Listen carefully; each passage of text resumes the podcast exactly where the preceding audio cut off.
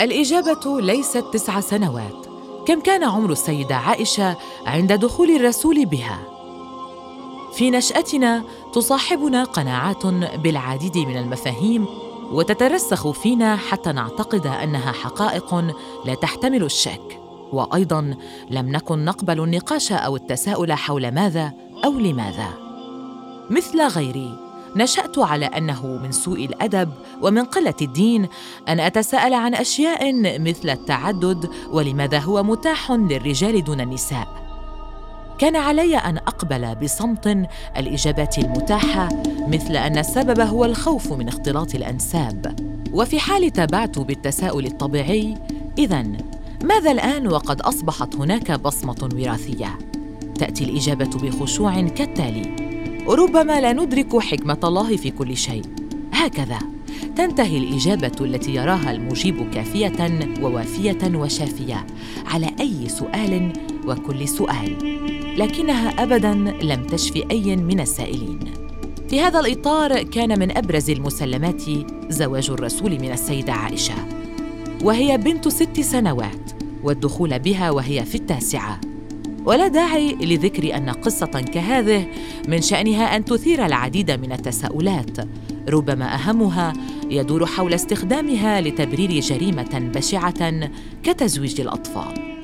ولكن ما مدى صحة هذه الحقيقة؟ فبالرغم من شيوع هذه الرواية إلا أن هناك العديد من الأصوات التي قدمت طرحا مختلفا بالكامل.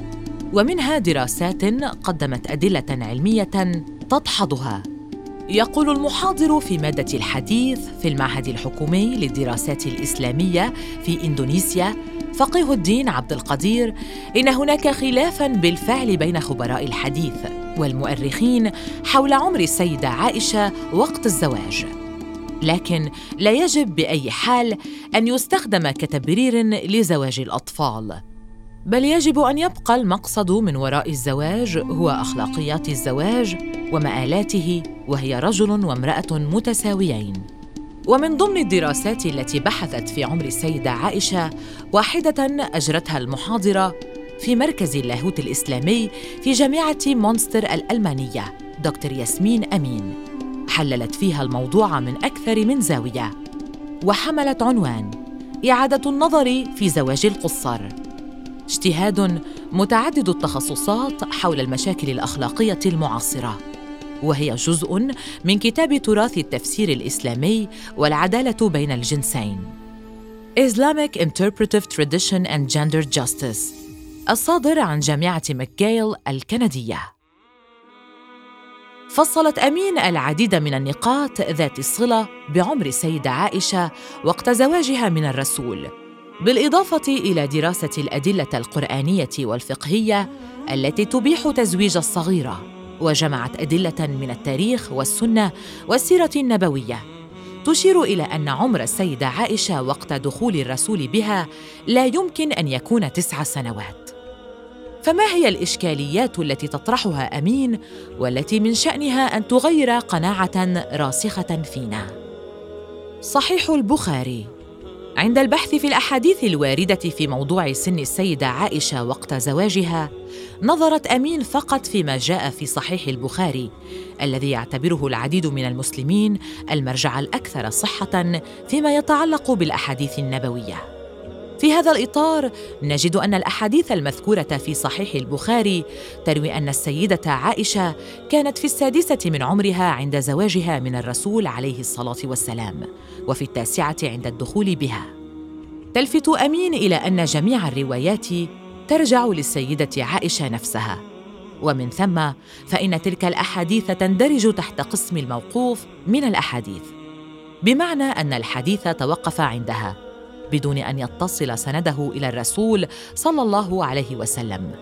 وقد جاء هذا التصنيف وفق تعريف ابن حجر للحديث بأنه ما قاله النبي فقط. بينما الآثار والأخبار فيمكن أن يرويها غيره. ومن هنا فإن هذه الأحاديث لا تعتبر أحاديث بالأساس بالمعنى الاصطلاحي للكلمة. واستكمالا للبحث تطرقت أمين للنظر في علم الرجال. والذي يفرق الرواة الثقات عن غيرهم. إذ رأى عدد من المحدثين أبرزهم ابن حجر تاريخ 1449 والذهبي تاريخ 1348 أن هشام بن عروة أحد رواة الحديث لم يكن من الرواة الثقات. فقد كتب ابن حجر أنه لم يكن يدري ماذا يروي عندما كبر في السن.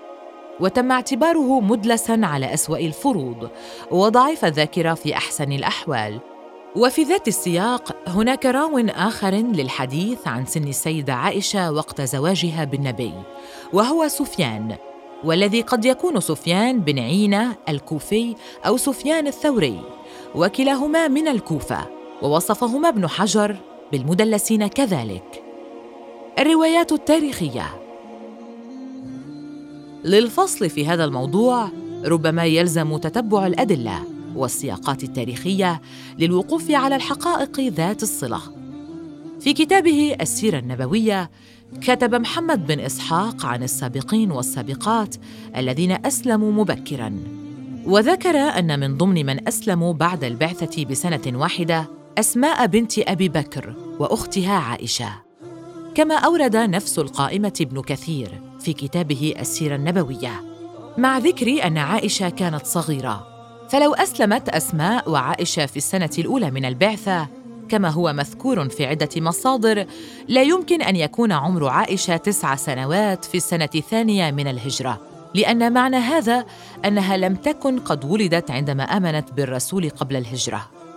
أيضا من البديهي أنه من أجل الإيمان والنطق بالشهادة يجب أن يكون الشخص مميزا وبالتالي لا يفترض أن تكون السيدة عائشة قد ولدت بل أن تكون في سن يسمح لها بالتمييز. أما الطبري فقد أخبر بأنه لما تجهز أبو بكر للهجرة إلى الحبشة قبل الهجرة إلى المدينة بنحو ثمان سنوات ذهب إلى المطعم بن عدي. وطلب منه أن يتمم زواج عائشة من ابنه جبير وكان قد خطبها قبل ذلك. فرفض المطعم لأن أبا بكر أسلم. فلو كان عمر عائشة وقت زواجها من النبي ست سنوات فلا يمكن أن تكون كانت قد ولدت وقت تلك الواقعة. كذلك قال الطبري في كتابه تاريخ الأمم والملوك أن أبا بكر كان له أربعة من الأبناء. ولدوا جميعهم في الجاهلية. هذا وقد أفاد ابن حجر العسقلاني في كتابه تمييز الصحابة بأن السيدة فاطمة الزهراء كانت تكبر السيدة عائشة بخمس سنوات. وولدت السيدة فاطمة وقت كان عمر النبي خمسة وثلاثين عاما. وهاجر النبي إلى المدينة بعمر الثانية والخمسين عاما. وعليه فإذا أخذنا بصحة هذه الروايات فإما أن تكون السيدة عائشة قد أخطأت في تقدير عمرها أو أن الحديث الذي روي بعد نحو مئة عام من الواقعة لم يكن صحيحاً. هل يمكن تزويج الفتاة بغير رضاها؟